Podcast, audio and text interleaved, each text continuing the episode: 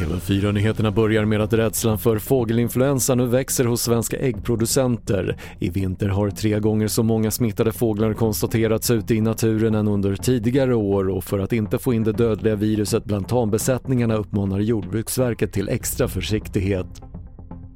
Det ska bli enklare för missbrukare att byta sprutor och kanyler enligt ett förslag från regeringen som innebär att kravet på att vara bosatt i den region där man deltar i utbytesverksamheten ska tas bort. Lagändringen föreslås träda i kraft den 1 augusti nästa år. Inför sportlovet varnar Transportstyrelsen för oseriösa förarbevisutbildningar för snöskoter och spekulanter uppmanas att läsa in sig och jämföra utbildningar. Myndighetens kontroller visar bland annat på brister i viktiga moment som terrängkörning och för kort utbildningstid.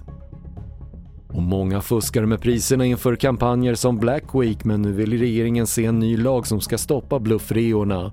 I höstas visade statistik från Pricerunner att var fjärde rea på nätet sedan sommaren varit falsk och att priserna smyghöjts innan kampanjerna började. Fler nyheter hittar du på TV4.se. Jag heter Patrik Lindström.